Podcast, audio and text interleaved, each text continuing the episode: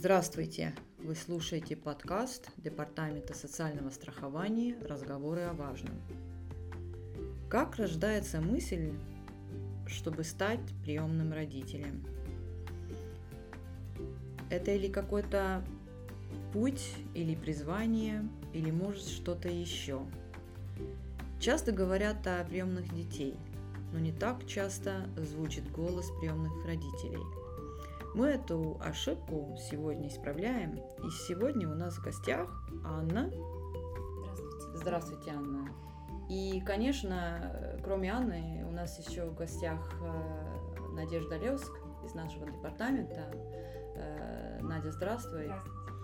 Э, ты, в принципе, как в этом передаче о приемных родителей, я бы сказала, то мама, которая нам сюда, в эту передачу, э, включила очень много разных людей, от специалистов до, скажем, вот э, родителей э, и этих родителей. Анна, как у вас зародилась мысль стать приемным родителем? Мысль, я так понимаю, что вся жизнь моя с детских лет готовила меня к тому, чтобы я стала приемным родителем. Началось все с того, что я училась э, в 51-й школе в 80-е годы. Это сейчас, я так понимаю, школа Кадыка. Угу. И у нас была школа с музыкальным уклоном. И с нами в одном же корпусе учились э, детки из детского дома. И я могла их видеть. И сейчас вот дети э, не отличаются от других детей. Дети из детского дома не отличаются от других детей. А тогда это были детки, которые были, во-первых, одеты как одинаково, а во-вторых, лысенькие они все были, и я их видела, они гуляли не с нами, они гуляли отдельно. И уже тогда вот какое-то сочувствие, сострадание уже было у меня к этим детям. Потом жизнь так распорядилась, что а, ну, первый брак у меня не удался, а во втором браке э, и мы с мужем уже хотели очень девочку, потому как э, сын у меня уже был от первого брака. И когда родился второй мальчик, я, честно говоря, была очень расстроена.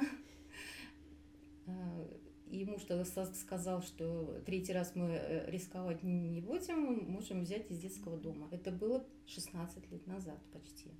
Я понимаю, что это было, скажем, ну, может быть, еще не решение, но может быть, он мне это муж утешить, это вам даже сказал, не, не, не вы сказали, да? Муж сказал, да.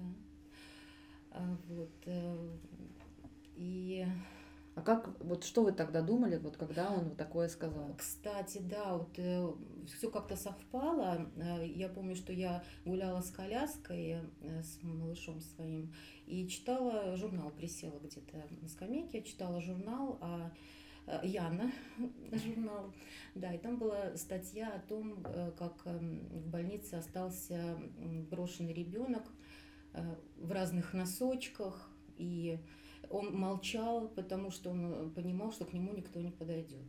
То есть младенец уже что-то чувствовал и понимал, что плакать ему бесполезно. Вот такие моменты просто вот они как якорями встали в, моей, в моем сознании. И периодически всплывали. Вот, и я тогда тоже очень обрадовалась такому предложению мужа, чтобы не рисковать на третий раз и третьего мальчика не родить, что хорошо бы действительно взять девочку из детского дома. Уже вот точно была у нас дочка. С тех пор, конечно, много воды утекло, и там так стало все меняться в мире нашем. Кризис, потом еще другие проблемы, и как-то вот это предложение позабылось, даже я бы сказала. Э, пока мы не встретили ребенка вот случайно, который э, запал в душу. Во-первых, она очень похожа, вот, ну, мы с мужем чем-то похожи, а И она похожа на нас даже больше, чем наш родной сын, вот второй с мужем. И вот на мужа очень похожа. Всегда ищешь в ком-то да, черты любимого человека, и вот и в ней я увидела черты своего мужа. И поэтому она мне очень понравилась. Э, детки из детского дома сейчас ведь могут посещать любые мероприятия. Э, и вот на одном из таких мероприятий мы как раз ее увидели. Вот так, а почему? Вот давайте, вот давайте еще возвращаемся да. к началу, что, ну, скажем так, э, слушатель может подумать, ну как это вот случайно я куда-то пошла, там увидела и вот себе брала. Но все-таки вот, вот как вы ее нашли? Вот почему вы были в этом мероприятии, например? Mm-hmm. Вот как вы туда попали? Вот что, что, что там случилось? Что там было? Это была православная ярмарка. И э, мы пришли туда с э, прихожанами нашей церкви э, и увидели там компанию детей совершенно разных, не похожих друг на друга. И оказалось, что есть общая знакомая из нашего прихода с членом коллектива детского дома, из которого пришли эти дети. Таким образом, я узнала, что это детки пришли поддержать своего воспитателя mm-hmm. на ярмарке. А, вот. И, конечно, не сразу пришла вот именно э, мысль э, ребенка взять к себе, а, просто периодически вспоминала о ней. И когда была ярмарка в дет, детских домов и Юлемисте, мы уже пошли туда целенаправленно искать. Именно ее. Ну, э, детский и, дом. Или детский вот, дом. Да, чтобы угу. контакты угу. какие-то угу. получить. Вот. Ну, как говорят воспитатели, что к ним довольно часто обращаются с вопросом, а как установить ребенка. И они направляют тогда вот в социалки плюс саммит или к а, Ласты Кайце.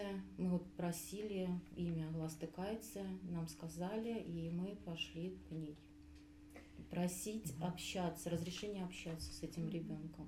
Может быть, я здесь немножко добавлю mm-hmm. в том плане, что за каждым ребенком, который по какой-то причине остался без родительской опеки, да, стоит э, работник местного самоуправления, вот Кайце, про которую Анна говорит, э, работник детской защиты, да, который э, ну, в общем-то, по сути, занимается вопросами этого ребенка, да, даже если он проживает в детском доме, да, то координирует все эти вопросы по здоровью, образованию и так далее э, работник местного самоуправления. Просто хотела mm-hmm. уточнить. Ну вот значит из этого первой мысли, когда вас муж сказал, что может быть берем да. ребеночку из детского са, э, детского дома, и вот я подумала, и над вот этот пришло время. Пришло время. Спустя сколько тогда вот лет вот это все? Э, получается лет 12, наверное, прошло с того момента. Угу. Да. Ну вот. И вы начинали узнать, изучать, наверное. Да, сначала мы попросили возможности с ней встречаться, и нам разрешили посещать ее в детском доме. Какая была эта первая встреча для ну, вас? именно когда мы пришли в детский дом, да, то есть мы ребенка видели на ярмарке, uh-huh, нашли на этой uh-huh. ярмарке детских э, домов, и там уже я ее за ручку подержала. Вот, и она была Это тогда была в гриме кошечки, она тогда только мяукала, да, она не mm. говорила вообще ни одного слова. Сколько было лет? лет? Ей около четырех тогда mm-hmm. было, э, буквально вот три и десять, mm-hmm. наверное. И когда мы пришли в детский дом, ребята сначала все собрались, они не понимали, кому мы пришли. Они так все выстроились просто вот по стойке смирно, тоже такой момент, который я запомнила на всю жизнь. Они хотели каждый попасть к нам. Но они понимали, что взрослые пришли не просто так, семья пришла. Вот. И все от мала до велика, там самому старшему мальчику тогда было 14, ну вот и такие дети очень хотят попасть э, в семью, несмотря на то, что у них все есть, и даже, может быть, больше, чем у других э, домашних детей, и развлечений гораздо больше для них э, предполагается. Вот. Но, тем не менее, очень хотят они обрести родителей. И тогда она меньше всего понимала, зачем мы пришли. Она бегала, веселилась, каталась на пластмассовой машинке. Мы просто наблюдали.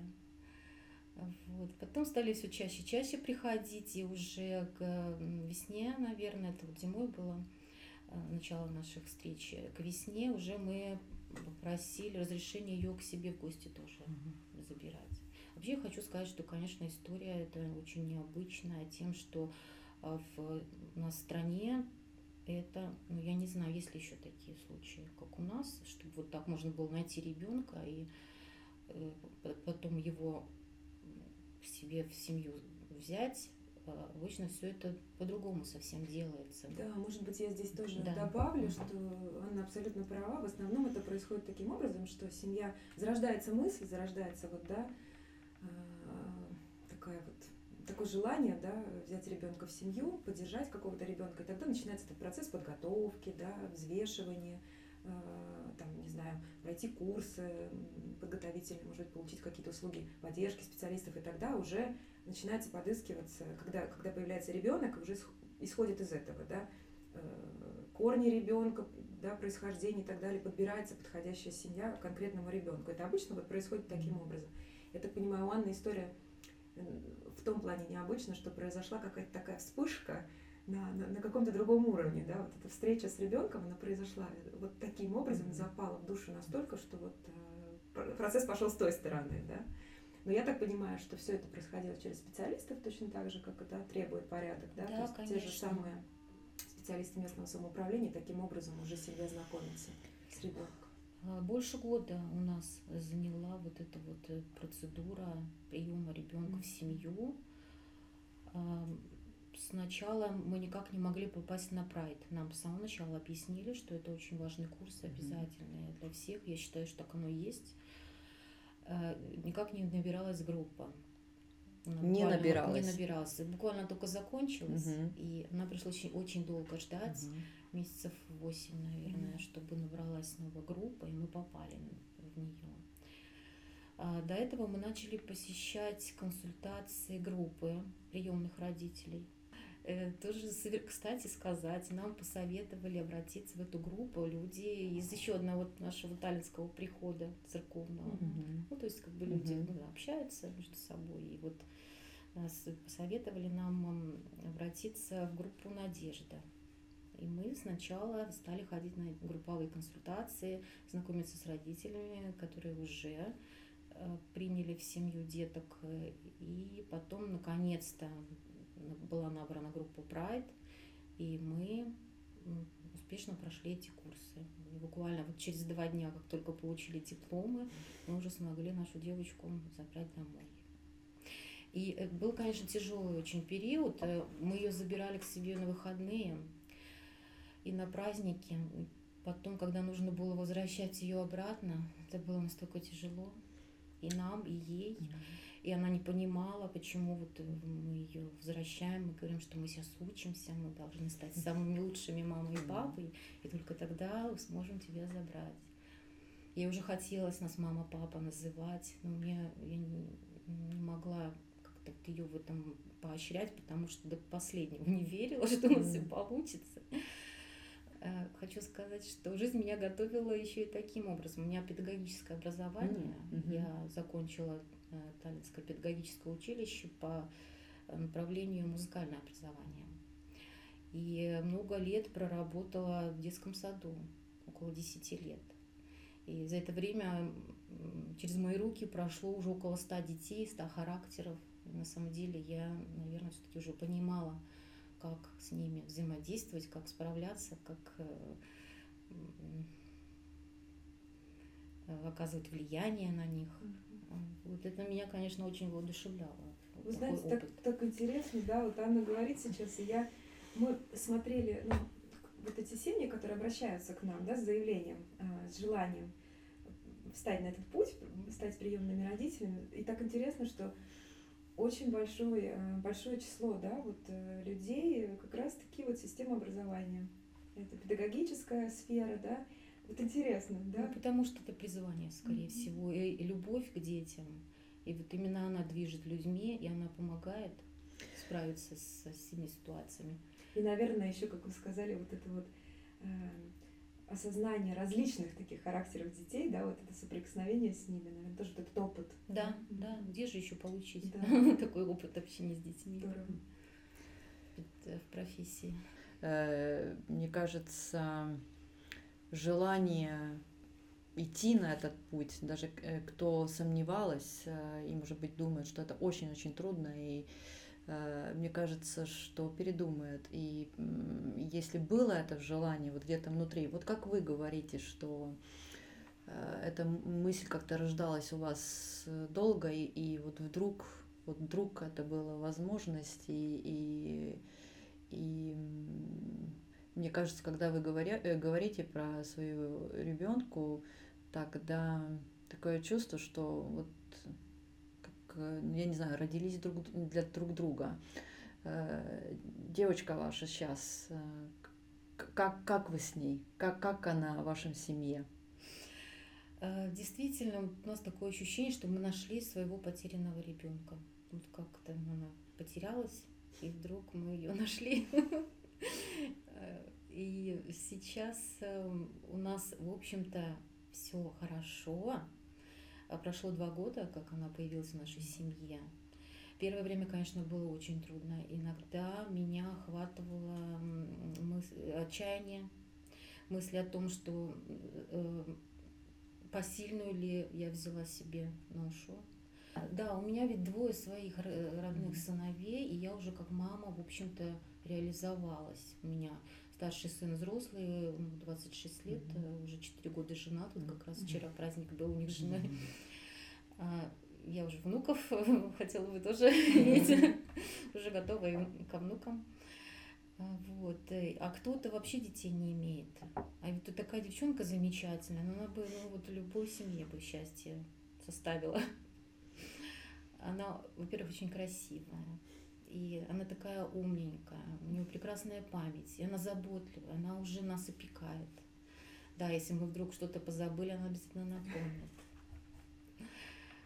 Вот. э, А ваши другие, э, остальные дети, вот обе, обе мальчики, э, как они ее принимали? А, Старший сын уже жил тогда отдельно, и он э, сразу поддержал меня в этой идее.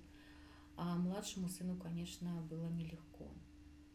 Особенно тяжело ему было смотреть, э, как мы с ней иногда не находим общий язык, ссоримся, она э, упрямится, не слушается, пререкается, дерзит. Ну, все умела уже к этому времени. Она год прожила в детском доме, и причем с детьми, которые были старше ее намного. И многому научилась тому, чему бы, конечно, мы бы не стали учить ее. Вот ему было очень тяжело смотреть, что мама, конечно, м, Волнуются? маме тяжело, М. да, маме тяжело приходится. А, Мальчишки у меня, в общем-то, такие были покладистые, мы с ними как будто так всегда находили общий язык. И проблемы у меня вот с ними не было абсолютно. Может, поэтому я еще решила, что я так все смогу, потому что с своими детьми у меня все было гладко. А, Вот. И э, сейчас я не знаю, что у него в душе, он как-то а, избегает разговоров о том, как вообще ему живется вот с сестричкой. Но когда я его прошу помочь, э, например, вот у- уезжаю по работе по делам, и э, я могу не сомневаться в том, что ребенок будет присмотрен, что она будет накормлена, что все с ней будет хорошо. То есть он о ней заботится, Как как они ладят. старший брат. Как они ладят. Ладят они, как вам сказать, у меня вообще дети э, получилось так, что с, с интервалом в 10 лет рождались. И, конечно, общих интересов у них Мгм. не так много, каких-то игр или занятий, но они друг друга учат сво- делятся своим опытом. Вот старший сын уже делится опытом со средним, там в каких-то делах, э, вопросах, э, может быть, личной жизни. Сейчас как раз э, там начинается интерес такой, ну, противоположному полу моего среднего сына. И вот они секретничают или по части образования. Старший сын сейчас увлечен различными курсами там, по самообразованию. И периодически я вижу, что книжки там какие-то приносят э, младшему. Вот. Э, а э, у среднего сына с дочкой, конечно, еще меньше точек соприкосновения, во-первых, потому что разнополые, во-вторых, да, и разница большая в возрасте. Ну, что-то да, мы вот находят общее, когда э, дочка в Лего начинает играть, она обращается да, к брату за помощью. Вот. Она сама стремится, я вижу, да, она стремится с ним наладить контакт. Ну, а ему ничего не остается делать. Он, как джентльмен должен даме угодить. Ну вот, Надя, тут Анна сама и по образованию педагог. И, и очень долго работала с детьми и знает разных характеров. И тоже в семье с детьми бывают разные, вот, э, скажем, ну, ситуации, мне бы не хотела сказать проблемы, а просто разные ситуации. Какую поддержку можно получить, допустим, что, ну, когда родитель, приемный родитель чувствует, что, ну, вот, не знаю, сейчас вот какой выход найти из вот той ситуации, что как-то у нас с ребенком сейчас не ладится. Есть ли какая, какая-то помощь или, я имею в виду, там, среди специалистов, mm-hmm. психологов? Да, очень хороший вопрос. Э, Анна уже сама упоминала в самом начале, да, что э, когда вот путь начался, да, на встречу друг другу с ребенком, они пришли в эту группу, где встречаются родители, которые уже воспитывают э, деток, рожденных в других семьях, либо готовятся к этому. На сегодняшний день мы в Департаменте социального страхования с помощью наших партнеров, различных организаций, Э, и при поддержке Европейского социального фонда предоставляем семьям различные такие поддерживающие услуги. Мне бы очень хотелось, может быть, если, если у Анны есть опыт, э, я думаю, она э, расскажет лучше, но предлагаем, да, различные, различные услуги, как вот эти групповые консультации, где семьи собираются, причем общаясь с семьями, слышу постоянно, что это очень важно, вот чувствовать себя Э, рядом, в кругу своих, и э, где всегда выслушают и всегда поддержат, да, и никогда тебе никто не даст оценки. Потому что там можно делиться да, своими сложностями, своим опытом, своими радостями. Э, если возникают какие-то вопросы, они возникают, это нормально, они возникают в любой семье. Есть поддержка психологическая, да, то есть можно ходить к психологу, если это нужно. Также есть услуга ментора, то есть это та семья, которая уже на этом пути, может быть, какое-то время, да, с опытом, да, и есть э, возможность поддержать, дать какой-то совет. То есть вот какие-то такие моменты.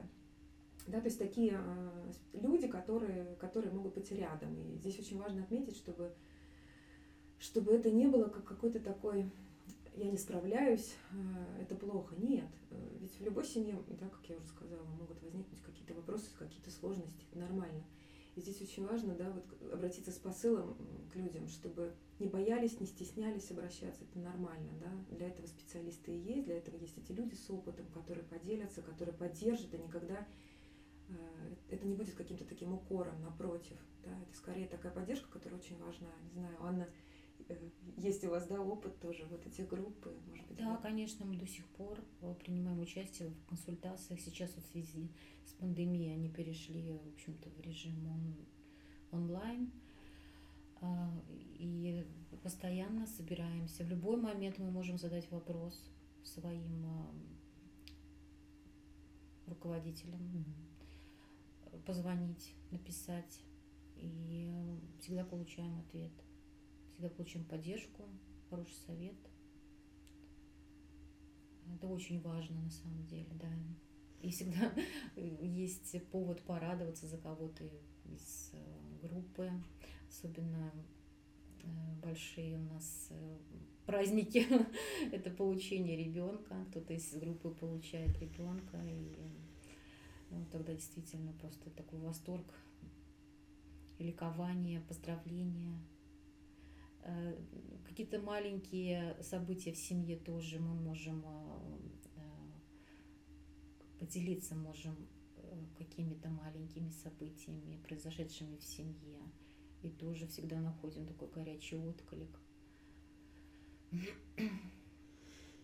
Есть группа на Фейсбуке. Мгм. Да, это вообще было очень удобно. Действительно, можно сразу же получить ответ не только от руководителя, а вообще от всей группы. Каждый поделится опытом. Группа Надежда, подскажет. да, вот Да. Анна упоминала, есть группа Надежда, э, именно вот русскоязычная, да, там э, семьи делятся ну, в письменной Мгм. форме, да, и какими-то полезными статьями, да, и какими-то своим опытом, какие-то вопросы Мгм. задают, да. и Проблемами и радостями. Да, Мгм. да. Очень Делятся. здорово, что всегда есть такая возможность.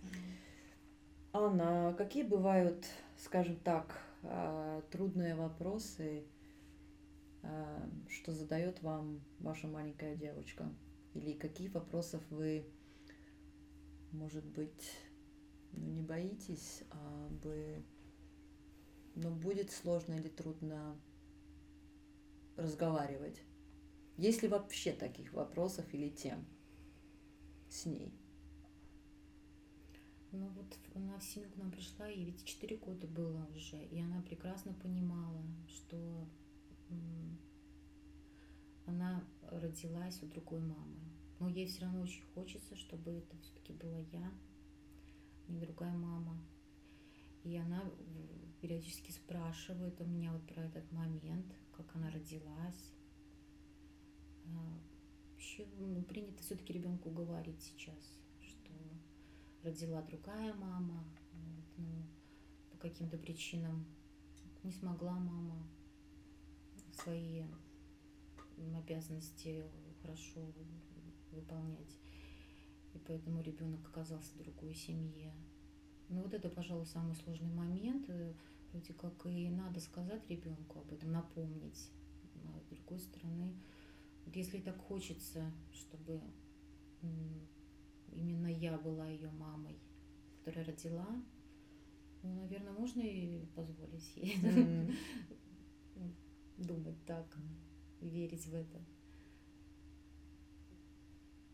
Какие ваши ожидания, если вот мы сейчас думаем немножко к будущему, вот какие ваши ожидания к себе, своему семью, ей, желания, ожидания?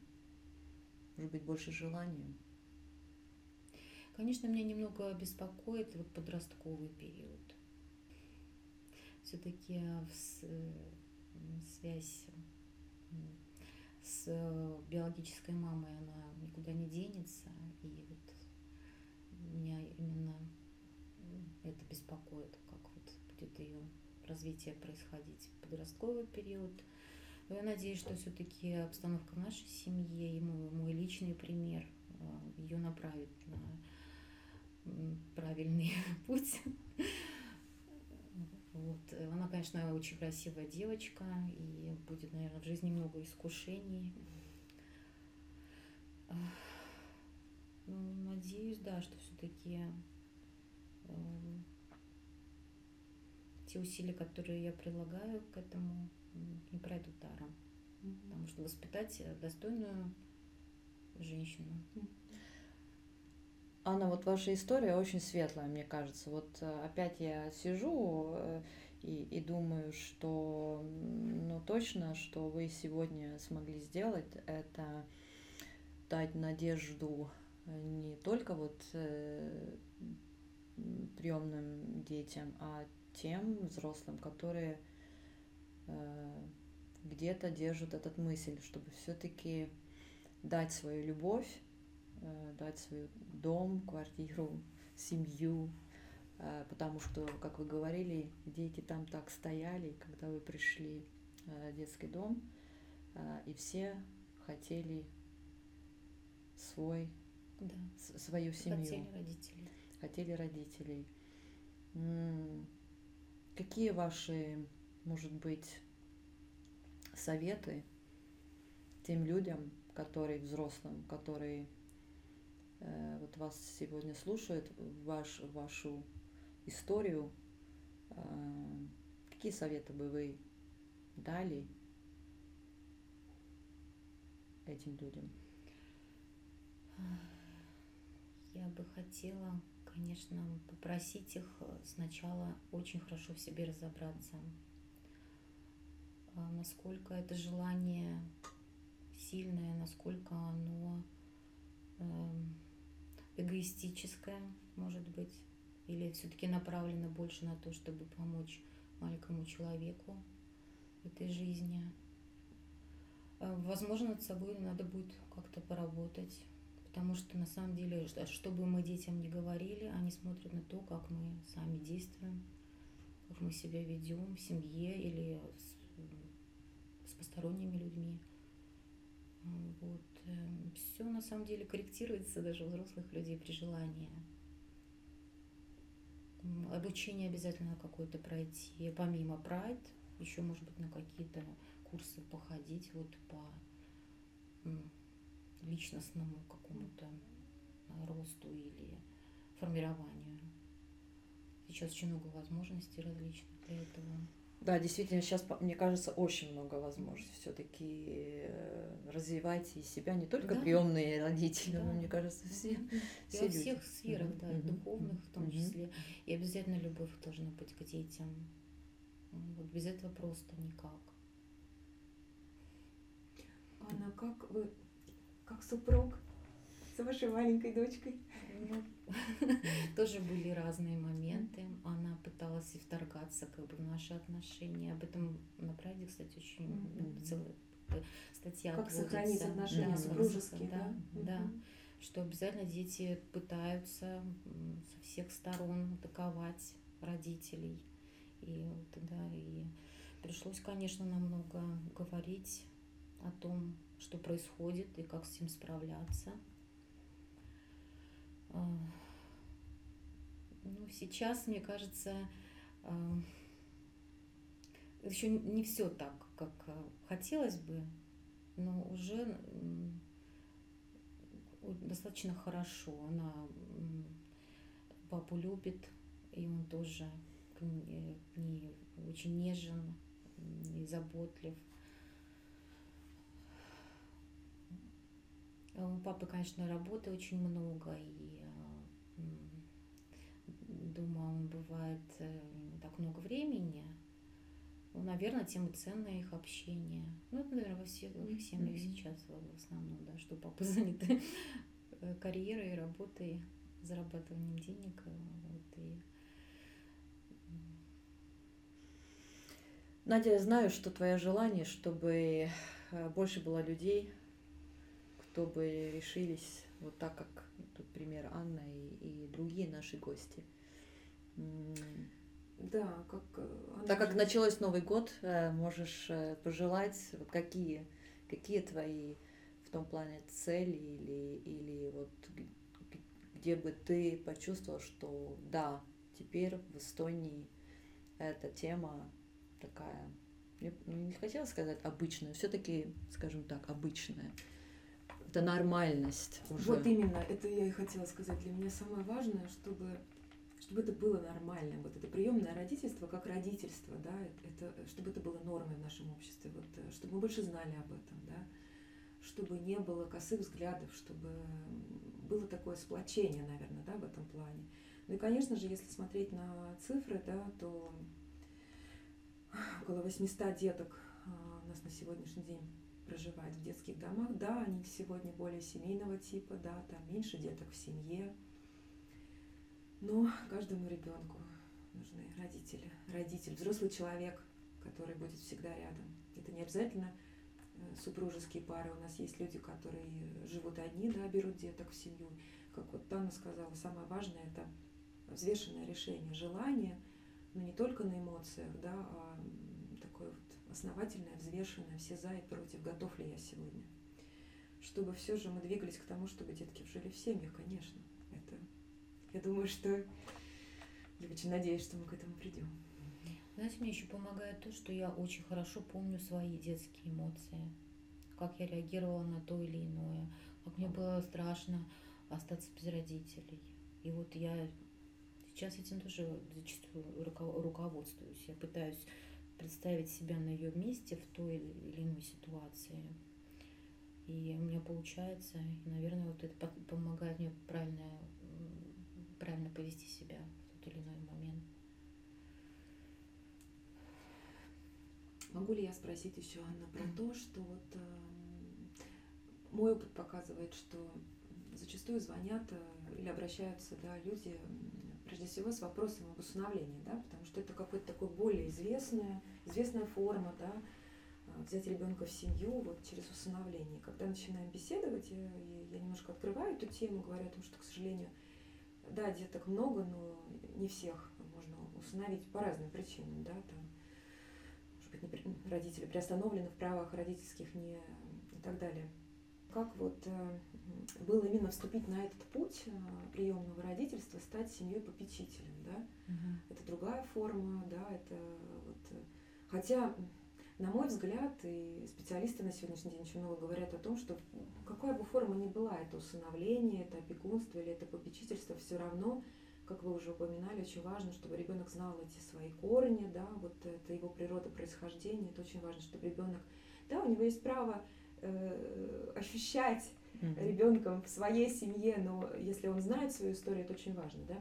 Как вообще было вот вступить на этот путь, э, стать семьей попечителем, да? Были ли какие-то мысли, какие-то, как вы это взвешивали? Мы вот о других формах даже тогда не знали, и, конечно, мы хотели сразу же быть усыновителями. Mm-hmm. Но поскольку наша история вот так вот не совсем обычная произошла, а, социал Kindle Summit решили, что все-таки сначала мы должны стать попечительской семьей. Проверить себя, что называется. И э, поэтому ну, мы согласились. И сейчас мы пока еще не меняли статус, пока мы семья попечителей.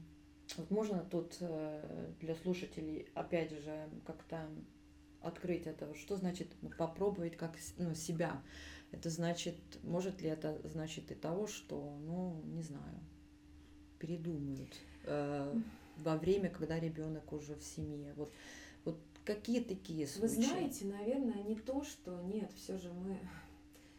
Но все равно это спрашивают. Это так на, что... направлено не угу. на то, чтобы передумали. Конечно, угу. наша цель э, чтобы избежать моментов, когда детки вот из семьи в семью, все-таки цель, чтобы ребенок нашел себе семью, чтобы все было хорошо. Вы знаете, вот эта форма попечительства, чем она отличается? А, это такая немножко, наверное, разделенная ответственность, да, когда опекуном при этом официальным лицом да, ребенка остается местное самоуправление. То есть его роль здесь важна. А, в том плане, что если нужно решать какие-то вопросы, касаемые здоровья ребенка, какие-то моменты образования, да, то это такое, конечно, я не хочу сказать, что семья не решает, нет, но это происходит сообща. То есть вот в этом плане это возможность получать эту поддержку вот это отличие прежде всего, поэтому я скорее через позитивное хочу показать это, да.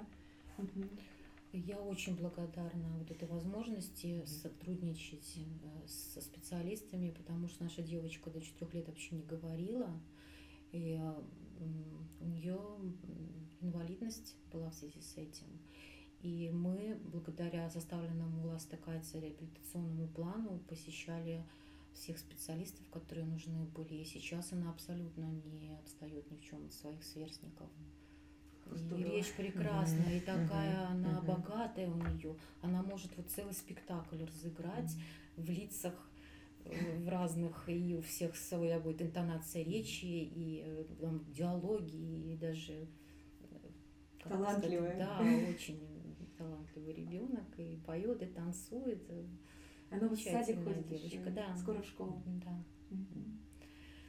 Вот, и даже не знаю, всегда действительно можно было обратиться, у нас прекрасно стыкается, контакт постоянный с ней, переписываемся при необходимости.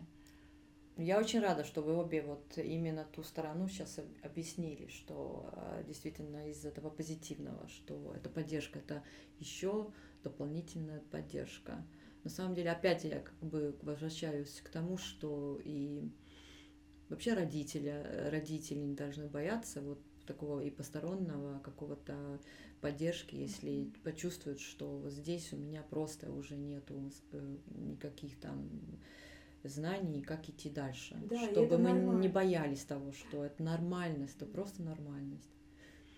Да, это касается, тут хочется да, сказать как раз-таки абсолютно всем что вопрос это, ну, действительно, это нормально, когда мы иногда чувствуем, не знаю, ну вот где-то я, может быть, не справляюсь, где-то, может быть, я чего-то не знаю, да, спросить совета у специалиста, потому что мы не можем знать все. А на пути родительства, мне кажется, эти вопросы возникают ежедневно, да, поэтому это так здорово, когда...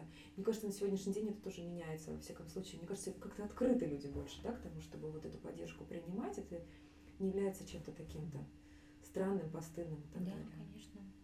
Если завершить эту передачу, тогда я бы дала вам обеим еще последние э, слова, чтобы сказать э, путь, э, на путь тем люд- людям, которые нас послушали, и, и что бы вы хотели сказать?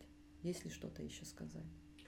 Ну, я, наверное, скажу, что если зародилась где-то мысль, пусть она не твердая, пусть она просто где-то вот таится, да, обращайтесь к нам просто, да, вот, э, просто чтобы обсудить, просто чтобы спросить совета, да, мы подскажем, где можно получить больше информации, где, может быть, можно принять участие в группе, да, э, задать вопросы и так далее. Обращайтесь смело, да, это не значит, что вы завтра должны это решение принять, нет. Но просто не оставляйте это где-то, да, мы всегда рады. Надя, что тебе говорит номер 655 1666? Спасибо, Сирля. Это наш инфотелефон, куда всегда можно позвонить. Он, конечно, не круглосуточный, да, но смело звоните на нашей страничке, э, на страничке tarkvanem.ee. э, Есть такая рубрика «Касупера. Приемное родительство». Э, Там можно тоже найти э, все ответы на вопросы. Но если даже не все, то звоните нам, мы ответим. Постараемся ответить на все вопросы. Значит, это есть специальный номер, куда тогда можно и позвонить, и, и поговорить, подумать, еще и прочитать э, на сайте. Анна, ваши последние слова. Э, Ну, я бы хотела пожелать э, родителям и себе также, э, своей семье, не терять позитивного настроя ни при каких обстоятельствах, быть оптимистом в жизни, для которого стакан всегда наполовину полон, а не наполовину пуст.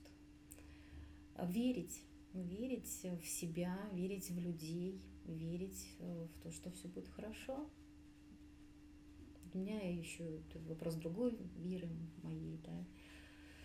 Э, Вот веру, пом, веры в, в помощь Всевышнего. Э, Вот, ну, терпение, конечно, безграничного, терпимости.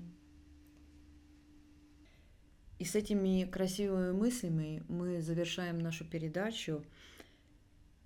Но хотелось еще добавить и поддержать э, мысли Надежды, что сегодня у нас 800 детей, которые хотят жить в семье. Я благодарю сегодня за нашу беседу Анна вас и Надежда тебя. И вы слушали подкаст Департамента социального страхования. Меня зовут Сирля Блумберг. И здесь со мной еще хорошая коллега Катра Кирст, Кирст из отделения ком- коммуникации. До встречи!